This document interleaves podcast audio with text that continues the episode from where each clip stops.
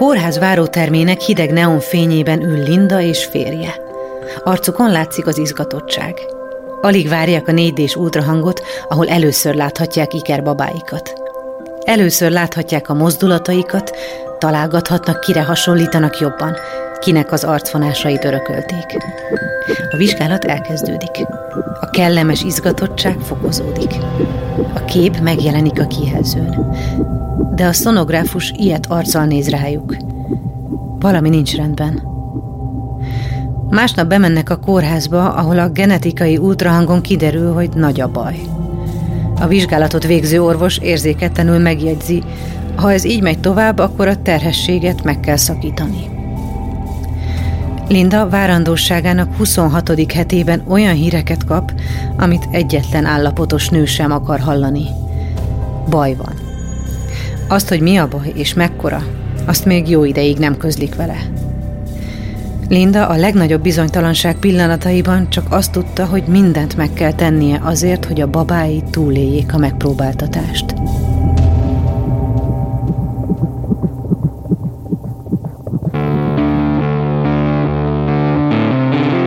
Lovas Rozi vagyok. Ez az Egyszer Lent.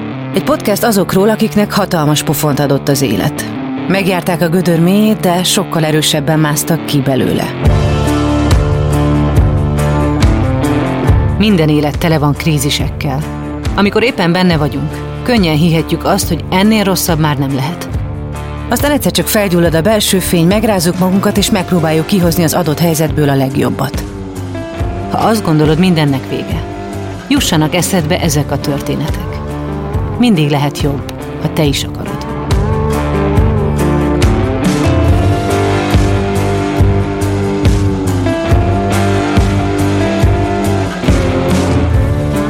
Ror Linda tanítással, újságírással foglalkozik. Mellette folyamatosan képzi, fejleszti magát újabb és újabb területeken. Kutatott már ösztöndíjasként Tájföldön, ahol szakmai angolt tanított egyetemen, volt főszerkesztő egy magazinnál, jelenleg pedig éppen Kanadába készül családjával, hogy megszerezhesse mesterdiplomáját oktatáspszichológiából is. Mindemellett hat éves ikerlányai édesanyja, akikről az első pillanatban tudta, hogy ketten jönnek. Amikor a terhessége 26. hetében komplikációk léptek fel, minden erejére szükség volt. Ez a történet egy édesanyáról szól, aki fáradhatatlanul küzdött a gyerekeiért – de vannak pillanatok, amikor egy anya ereje is kevés. Ezt a műsort azért tudtuk elkészíteni, mert a Generáli biztosító szponzorként mellénk állt. Hallgassátok meg, miért fontos nekik, ami nekünk is.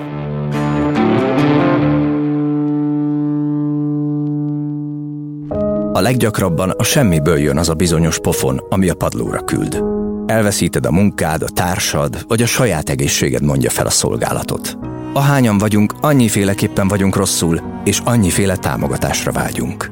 Mi a Generalinál abban hiszünk, hogy empátiával, személyes kapcsolattartással és rátszabott megoldásokkal úgy tudunk segíteni, ahogy neked a legjobb. Azért támogatjuk az Egyszer Lent podcastet, mert tudjuk, hogy ezek a történetek nem csak elgondolkodtatnak, hanem segítenek abban, hogy jobban odafigyeljünk egymásra, és ezzel megelőzhetjük a bajt, vagy csökkenthetjük azok súlyosságát.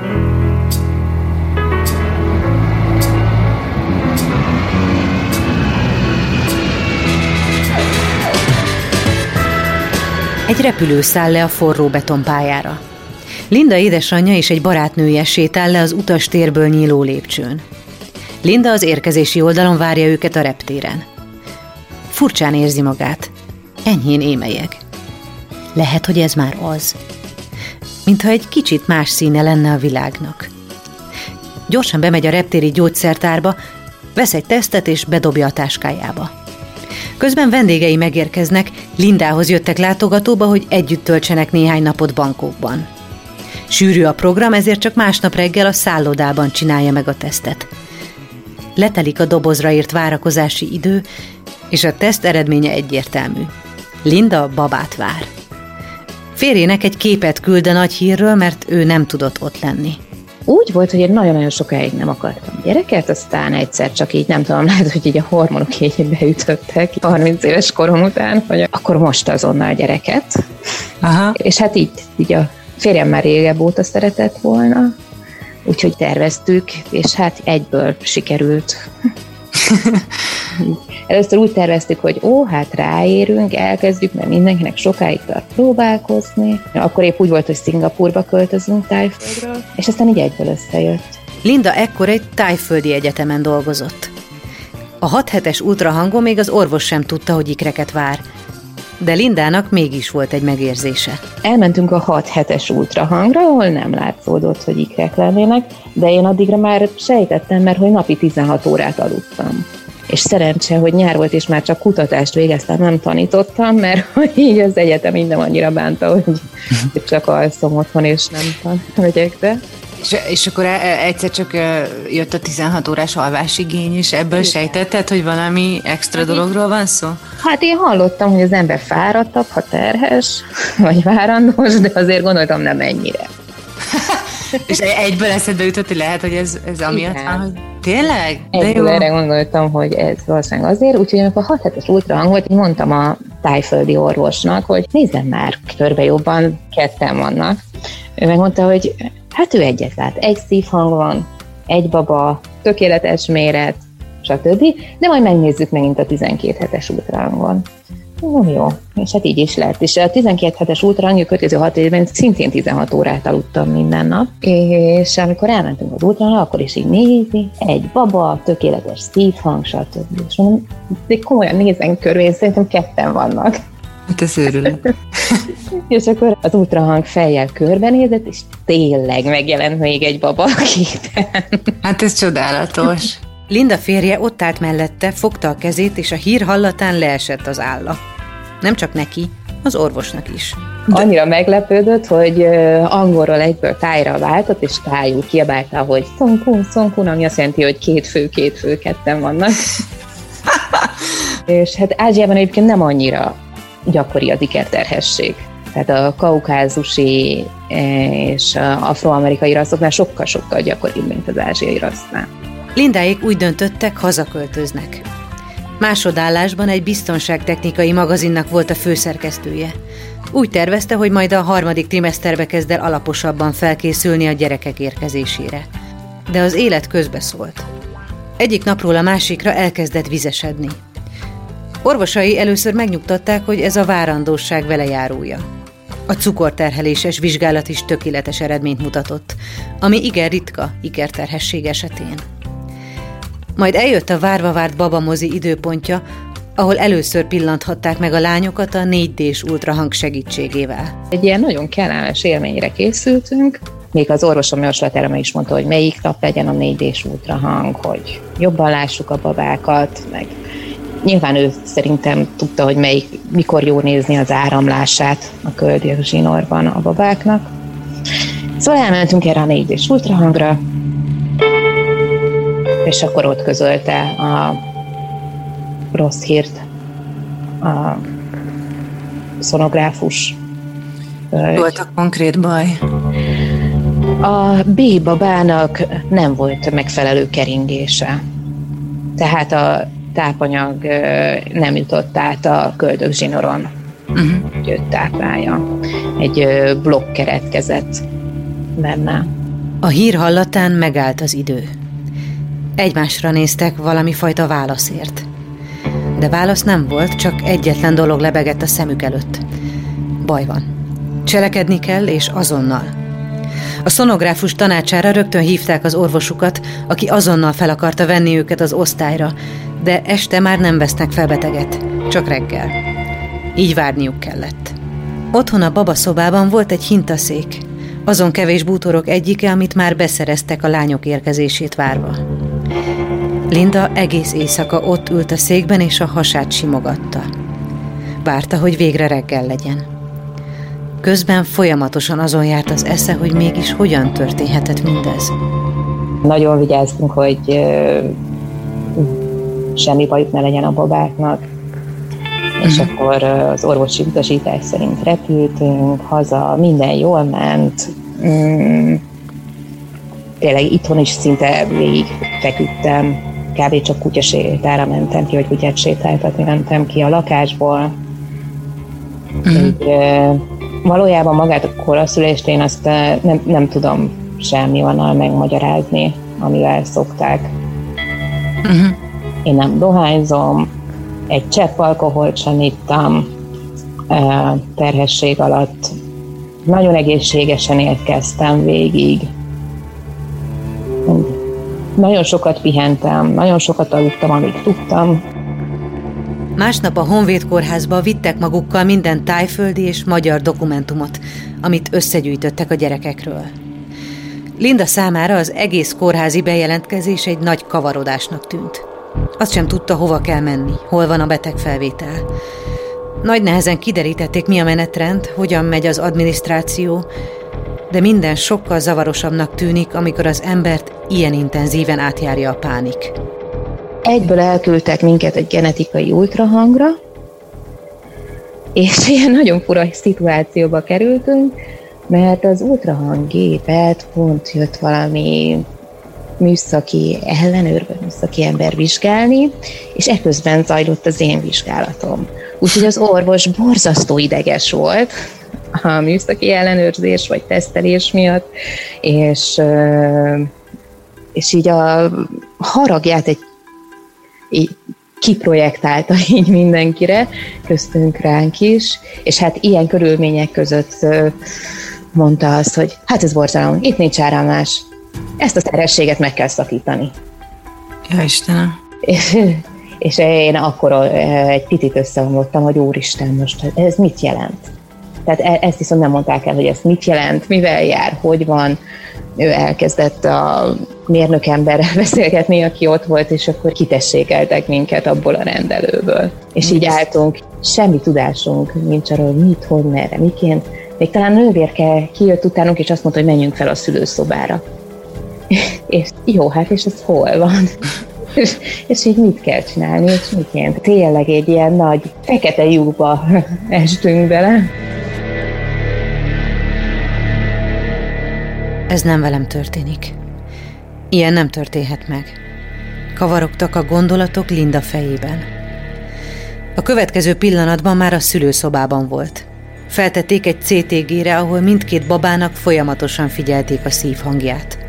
Infúziót kötöttek be. De még mindig nem tudták, hogy mi fog következni. Napok teltek el ebben a bizonytalanságban. A terhesség 26. hetében voltak ekkor. Érkezett egy orvos a koraszülött osztályról, aki elmagyarázta a lehetőségeket és hogy mire számíthatnak a következő napokban. A babák tüdeje ebben a szakaszban még nem fejlődik ki teljesen, ezért úgynevezett tüdőérlelő szteroidot kaptak. Ez 48 óra elteltével megnöveli a babák túlélési esélyeit. Elmondta, hogy ha most kéne kivenni őket, akkor körülbelül 70% a túlélési esélyük, és 60% az úgynevezett egészséges túlélési esélyük. Uh-huh. És hogyha kibírnánk a 48 órát, akkor ez fölkúszhatna 90%-ra a túlélési esélyük, és 80%-ra az egészséges túlélési esélyük. Uh-huh.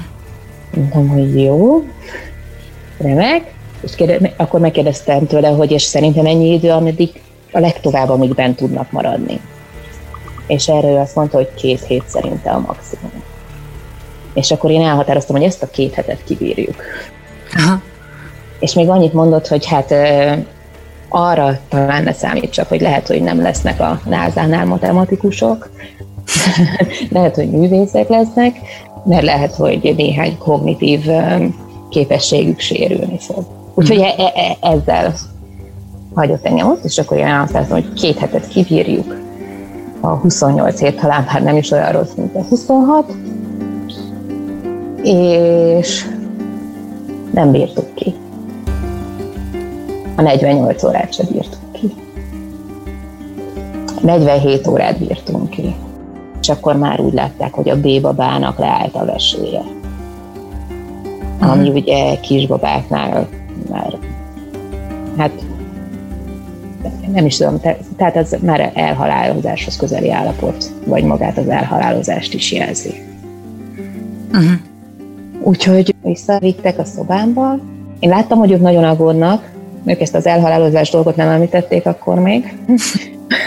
hanem összetudták a fejüket, beszéltek, felhívták az én orvosomat, mert ez azt hiszem, hogy egy szombati reggel volt. Az orvosom azonnal ott tervett, 10 percen belül volt a kórházban, és addigra a főorvos bejött hozzám az egész tímmel, és azt mondta, hogy akkor ő most elrendeli a sürgősségi császárt. Ez mind úgy zajlott, hogy én közben telefonáltam épp a férjemmel, és mondtam neki, hogy hát már voltunk ultrahangon, igen, aggódtak, most még nem tudom mi lesz, de várjál, most leteszem, most bejöttek hozzám. Hát szegény férjem, amikor legközelebb hívott, utána már csak azt hallotta, hogy egy nővér veszi fel a telefonomat, nem én, és mondja neki, hogy már műtőben vagyunk. A sürgősségi császár bejelentése előtt minden nagyon nyugodt volt Linda körül. A nővérek végig kedvesek és figyelmesek voltak vele. Amikor viszont bejelentette az orvos a császárt, mindenki azonnal átöltözött és hihetetlen gyorsasággal tolták be a műtőbe, és adták be az epidurális érzéstelenítést. Lindát az orvosok és nővérek profi, fegyelmezett tempója egy Forma 1-es műszaki csapatra emlékeztette. Hogyan születtek meg Linda kisbabái? Hogyan alakult az első időszak, és mi lett Lindával a trauma után? Ezt a szünet után mesélem el.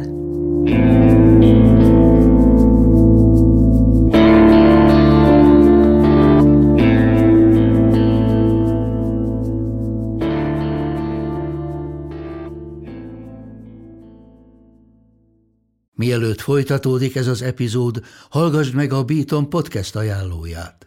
A szavak hihetetlen erővel bírnak. Lehetnek akár alapkövei egy új életnek. Én egy aprófalú cigánytelepén nőttem fel, ahol ahelyett, hogy az esti tábortűz mellett anekdotáztam volna a többiekkel, inkább a holdfényében letűnt korok nagyjait olvastam. Petőfit, Adit, Kosztolányit. Orsós Lajos vagyok, a Pont Elég házigazdája. Meghívlak egy pár perces kikapcsolódásra. Ha szereted az irodalmat, a klasszikusokat vagy a kortárs gondolatokat, akkor tarts velem, mert néha egy pár jó szó pont elég ahhoz, hogy szebb legyen a nap.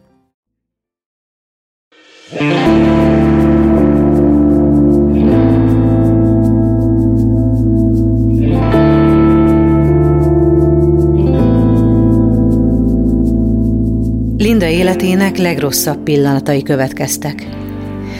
Úgy próbálta túlélni, hogy egy burkot vont maga köré.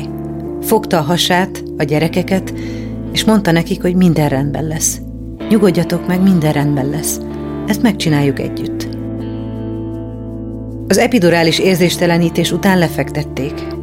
Linda ébren volt a császár alatt, és egész testében remegett. Az orvosoknak le kellett fogniuk, hogy ki tudják venni a babákat. Innentől kezdve csak halvány emlékfoszlányai maradtak a történtekről. Ki tudták venni mind a két babát, és betették őket az inkubátorba, és utána emlékszem, hogy valamivel kicsivel később felébredek a műt utáni ilyen várószobában, ahova a műtős együtt toltak ki, és a meleg homokzsákok vannak a hasamon, de egyáltalán nem vagyok magamnál. Egy ilyen delériumban ébredtem.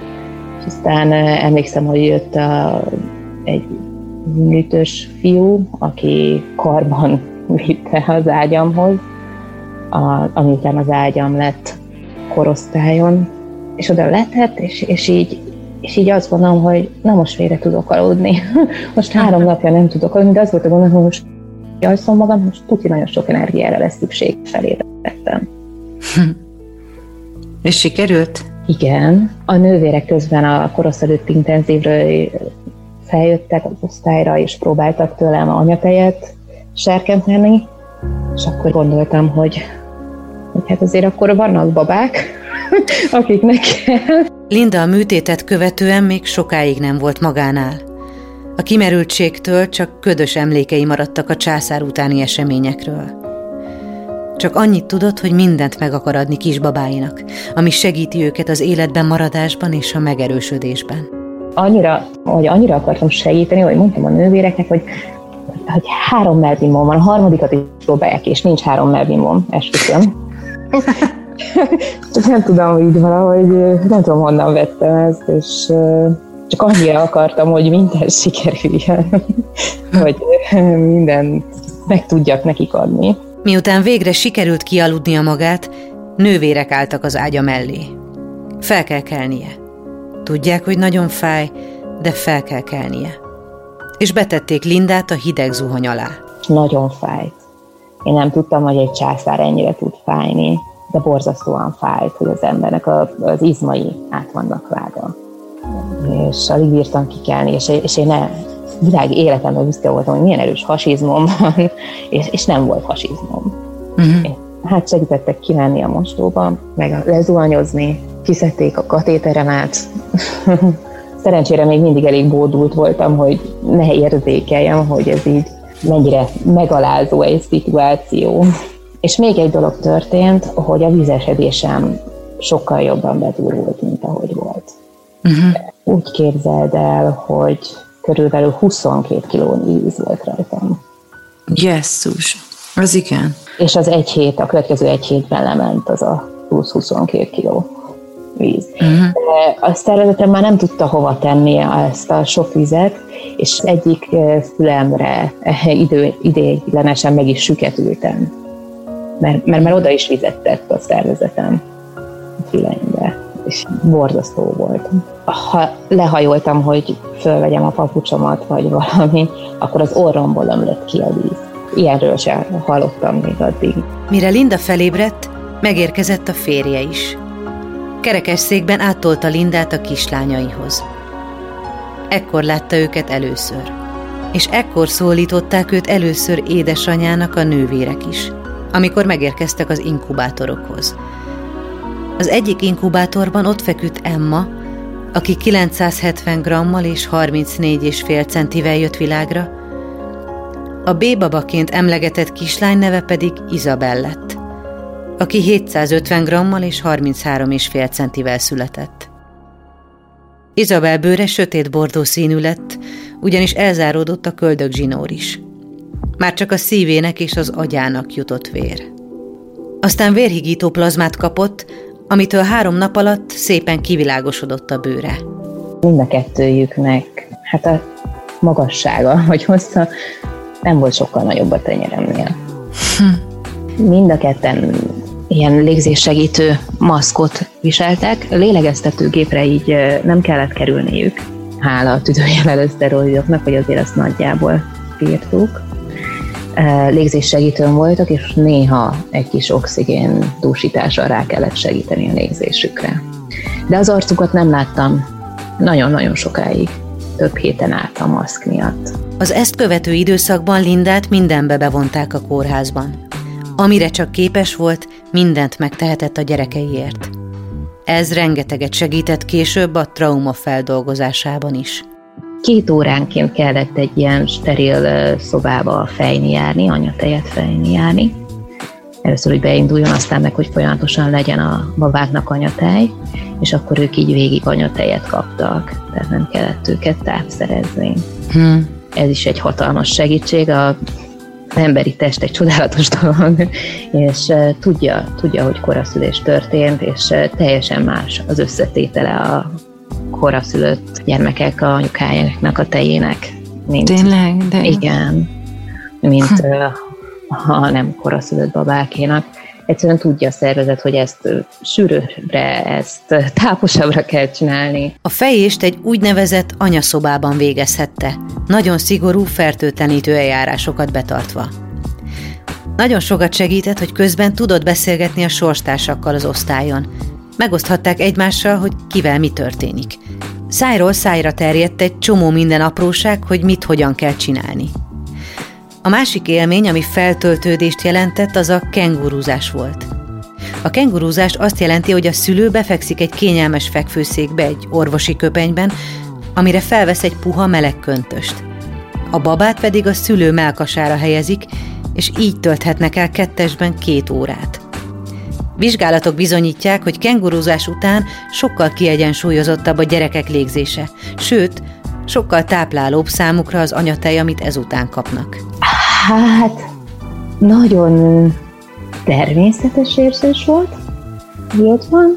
Nagyon csodálatos volt, hogy a pici-pici kis ujjai elkezdtek mozogni, hogy így kitapintja, hogy ki vagyok.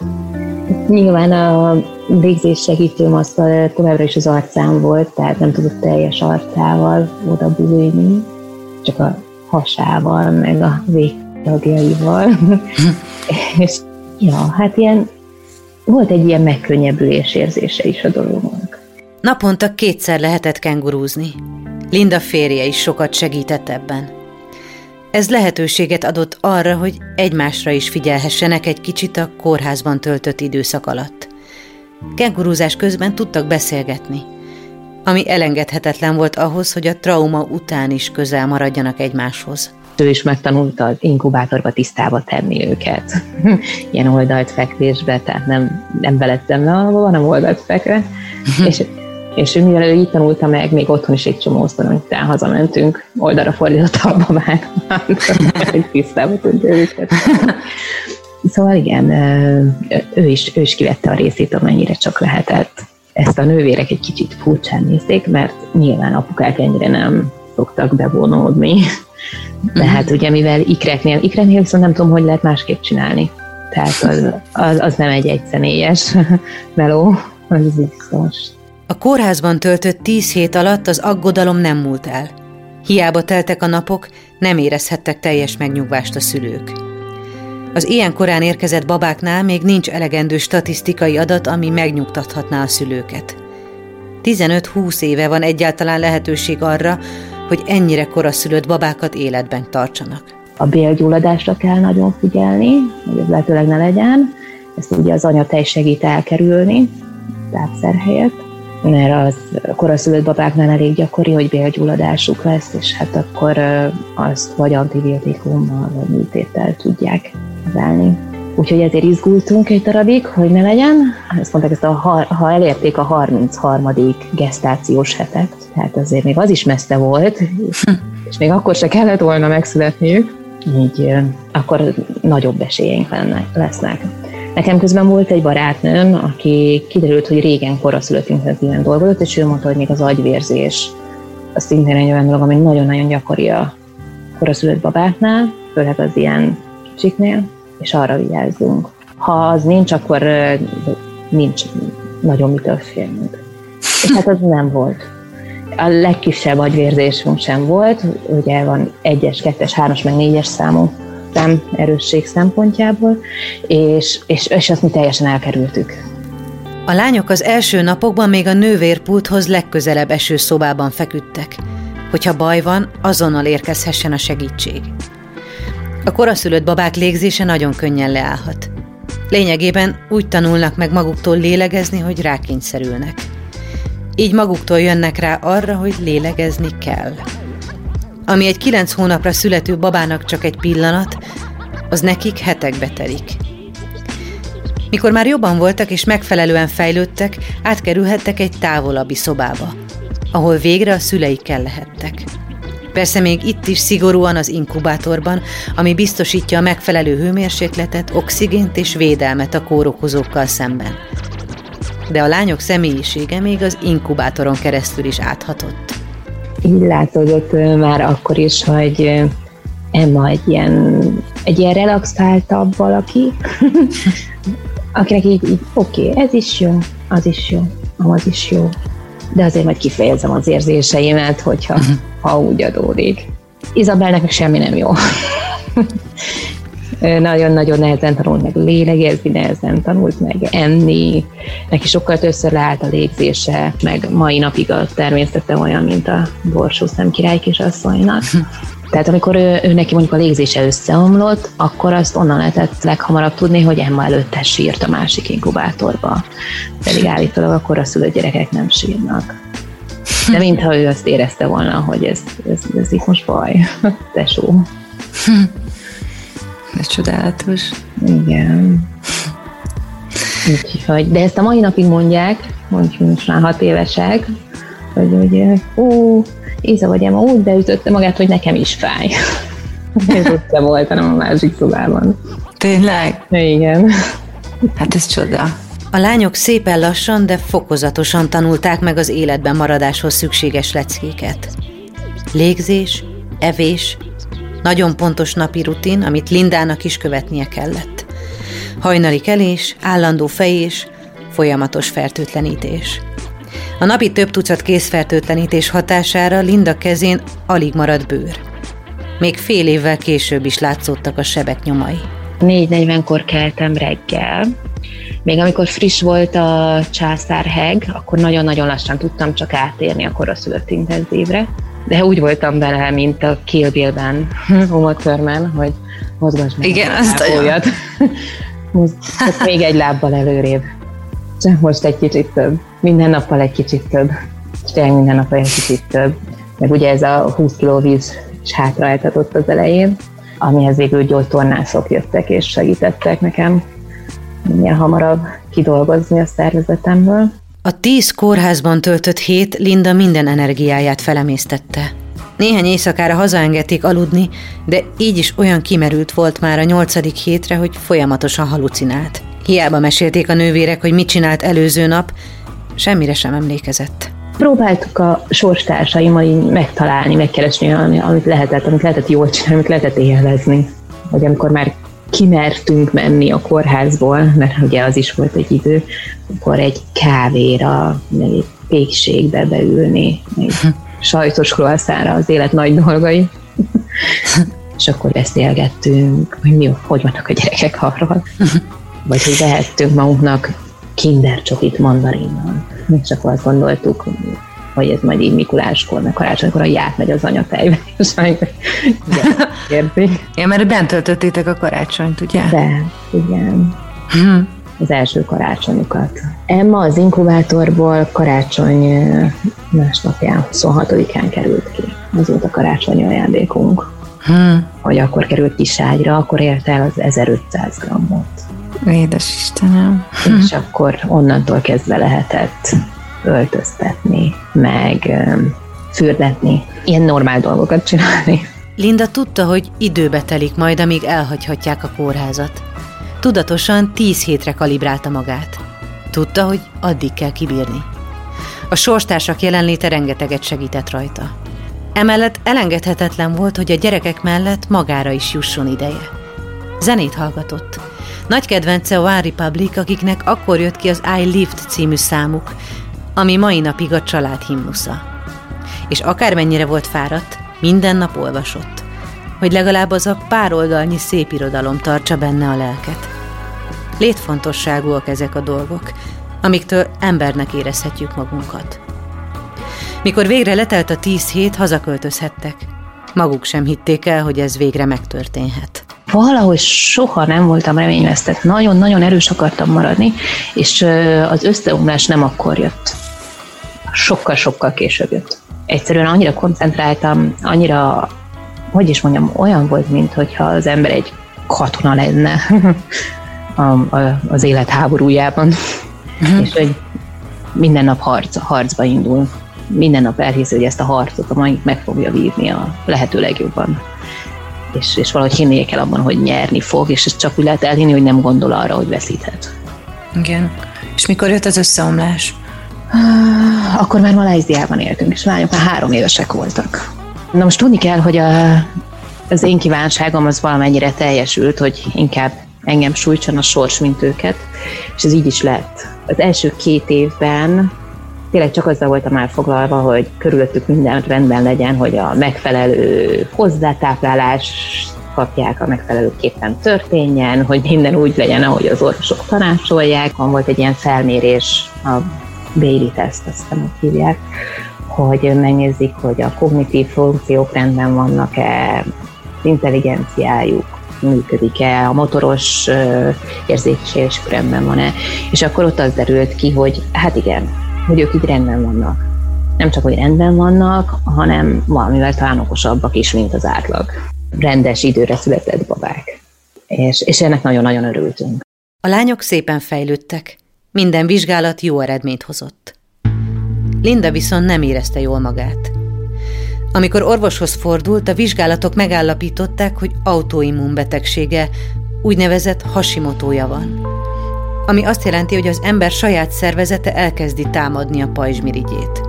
A szervezet próbálja elpusztítani, kötőszövetté alakítani.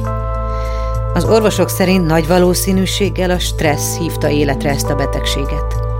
Ezt követően Linda mellhártya gyulladást kapott, és a vizsgálatok közben kiderült, hogy a szívével is baj van. És utána a kivizsgálás után kiderült, hogy szívműtétre van szükségem. és, és most uh, volt négy éve a szívműtétem, igen. Úgyhogy, de azt legalább meg lehetett csinálni. nem nyílt szívműtétről van szó, hanem katéteres szívműtétről, úgynevezett ablációról egy pici sejtet kellett kiégetni a szívemben, ami miatt kétszer annyi vert a szívem, mint kellett volna, mert az a megőrült sejt úgy viselkedett, mint egy másodlagos színusz csomó. Ez csak azért volt veszélyes, mert addig a két évig így minden nap 50% esélyem volt szívrohot kapni és belehalni. Az előtti két évben? Igen, amíg Te jó, és, és ez, ez teljesen váratlanul így a semmiből jött gyakorlatilag? Hát azért éreztem, hogy valami nem jó.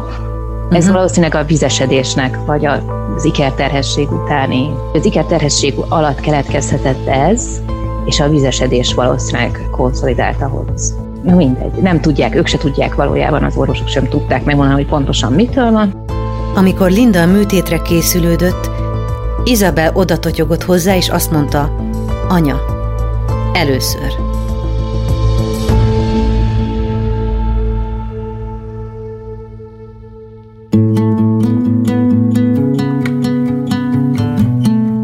A műtét jól sikerült, és Linda végre tudott rendesen aludni is. A teljes megnyugvás ennek ellenére még a mai napig nem jött el számára. Ez egy sokkal hosszabb folyamat. Aztán, aztán így kicsivel jobb lett, amikor már lehetett velük nagyobbakat sétálni, vagy amikor már nem csak anyatej volt, kilenc hónapos korokig kaptak anyatejet, de aztán fél év után ki kellett ezt pótolni mennyi tápszerrel, és akkor lehetett dolgokat úgy időzíteni, hogy ki tudjunk menni sétálni. Ilyenek. Most már jól alszom, nem ébredek fel annyiszor, de ha igen, mondjuk felébredek valami a éjszaka, akkor az az első, hogy megnézem őket még mindig. Most már csak azért, hogy be vannak-e takarva, most már nem nézem meg, hogy még lélegeznek-e. Tökéletesen tudnak járni, tökéletesen tudnak beszélni, folyékonyan beszélnek angolul és magyarul, borzasztó okosak tényleg, és cserfesek, és közlékenyek, és, és életvidámak, és, és tényleg csak-csak a jót tudok mondani arról, ahol ma vagyunk. Ennek ellenére az emberben még mindig ott van egy pici. Mi van, ha? Egy ilyen készültség. Tehát ez is egy folyamatos meló akkor még. Igen, alakul, alakul. Nekem szerencsére volt időm rá. Én azt gondolom, hogy Magyarországon erre egyáltalán nem hagyunk időt. Malajziában nem éreztem azt, hogy bárki a fejemhez vágná, hogy miért nem megyek vissza dolgozni, vagy, vagy megyek el valahova dolgozni ennyi diplomával. Lehetőleg olyan helyre, ahol sok pénzt is keres az ember. Szerencsére ott megtehettem, hogy nem, most három évet itthon lehetek, én itthon leszek. És utána sem dolgoztam, csak félállásban. És akkor is úgymond olyan terápiás munkát végeztem, tehát nem egyetemre mentem el tanítani, vagy középiskolába, meg nem mentem vissza újságírónak sem, nem mentem el főszerkesztőnek sem, elindítottam egy kutyaiskolát, amit így ami igazából egy héten csak pár óra volt, de kutyák közt lehettem, ami terápiás már magában. És csomó kedves emberrel ismerkedtem meg, akikkel ele, alapvetően megvolt a szeretetteljes témánk a kutyánk. Hogy e, ez sokat segített, és így, hogy így nem kellett dolgoznom, de a lányok már elmentek óvodába. Így otthon voltam so- sokat egyedül, és, és begubóztam tényleg, mint, mint egy hernyó. Bepábozódtam, és vártam, hogy egyszer csak lesznek killangó szárnyaim. És lehet, hogy nem a legjobb módszer, de én tévével gyógyultam. Megnéztem a Grace Klinika összes részét. A, ami nyilván hasonló mm, orvosi témákban, és minden részre így bőgtem. És ez minden nap megettem egy táblacsokit, ami nem segíti az autonóm betegségemet, tudom. De, de akkor is ott erre volt szükségem. Nem tudom, így, így van itt van az a kifejezés, hogy mindenki a túlélésért hajt. Uh-huh. És ez egy kicsit azért tényleg így van. Annyi a szabály itthon, annyi mindent be kell tartani. De ezt a gyerekeim is érzékelik, hogy itt járnak óvodába, és azt mondják, hogy annyi a szabály, anya. Ez az óvi nem olyan jó, mint még egy, egy ilyen szabadabb élet volt. Szerintem nagyon sokan így vannak ezzel, és valószínűleg ez egy klisé is, de így nem maradt idő mosallangokra. Hogy, hogy nincs. én, én nekem nincs arra időm, hogy csak azért csináljak valamit, hogy mások kedvébe járjak. Nincs. Ugye mondtam, hogy van egy mérnöki diplomám, amit valószínűleg szüléi hatásra csináltam meg, nem azért, mert szerettem. Erre már nincs időm. Arra van időm, hogy olyat tanuljak, olyan irányba menjek tovább, amit szeretek. Ezért kezdtem el most oktatás pszichológiát tanulni, mert 8 éves korom óta az az álmom, hogy pszichológiát tanuljak. És erre, erre jól rányította a szememet, hogy nem, nincs idő erre. És hogyha elég okos vagyok és kitarul, akkor abban a szakmában is meg fogom találni a helyemet. Linda folyamatosan halad előre az útján, és legjobb tudása szerint neveli lányait is. Együtt sétálnak, kézen fogva küzdenek meg a nehézségekkel, és közben észreveszik és megbecsülik az élet igazi értékeit. Azt gondolom, hogy igen, az, hogy miért történt ez velünk, azt, azt én úgy gondolom, hogy ez egy fölösleges kérdés. Mármint, hogy az ok miatt, a cél miatt az, más. Nem. Tehát az okokat keresni nehéz, és, és tényleg egy idő után úgy gondoltam, hogy felesleges. Az, hogy volt célja annak, hogy ez mind megtörtént velünk, igen, az, arra azt tudom mondani, hogy amögött látok valami értelmet. Ma azt tudom mondani, hogy a könnyű élet túl van értékelve. Mindenki a könnyű életért hajt, azért él túl, hogy könnyebb legyen neki valahol valamiért, de nem lesz valójában. Az élet nem ilyen, az nem könnyű, és nem is arról szól, hogy, hogy azzá tegyük,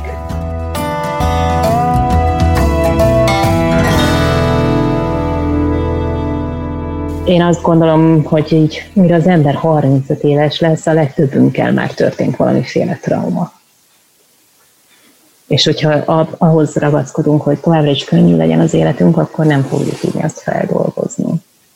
Úgyhogy ezt, ezt, ezt a gondolatot kellett elengednem. Nem, az élet nem könnyű. Az túl van értékelve, és így, így a, a traumák után egy, egy sokkal színesebb élet áll előttünk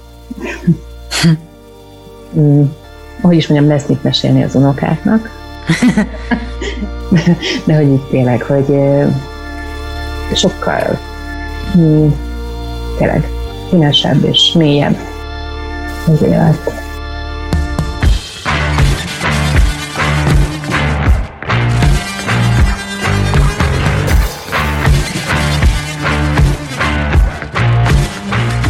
Az Egyszerlent Podcast második évadának hatodik epizódját hallhattátok. Azért indítottuk el ezt a műsort, hogy megmutassuk, minden veremből van kiút. Amikor a legalján vagyunk, lehet, hogy nem látszik, de tehetünk azért, hogy megtaláljuk. Ameddig készül a következő epizód, hallgass meg a korábbi részeket. Az epizód szerkesztője Mihály Kövisára, szövegíró Horváth János Antal, a gyártásvezető Gröger Dia, a zenei és utómunka szerkesztő Szűcs Dániel, a kreatív producer Román Balázs, a producer pedig Hampuk Rihárd volt. Lovas Rozit hallottátok. Két hét múlva újabb történettel jövök.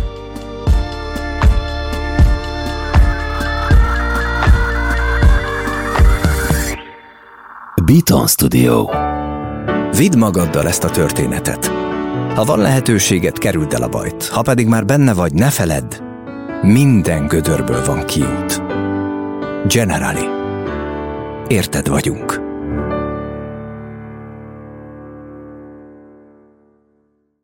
Ez egy Béton podcast.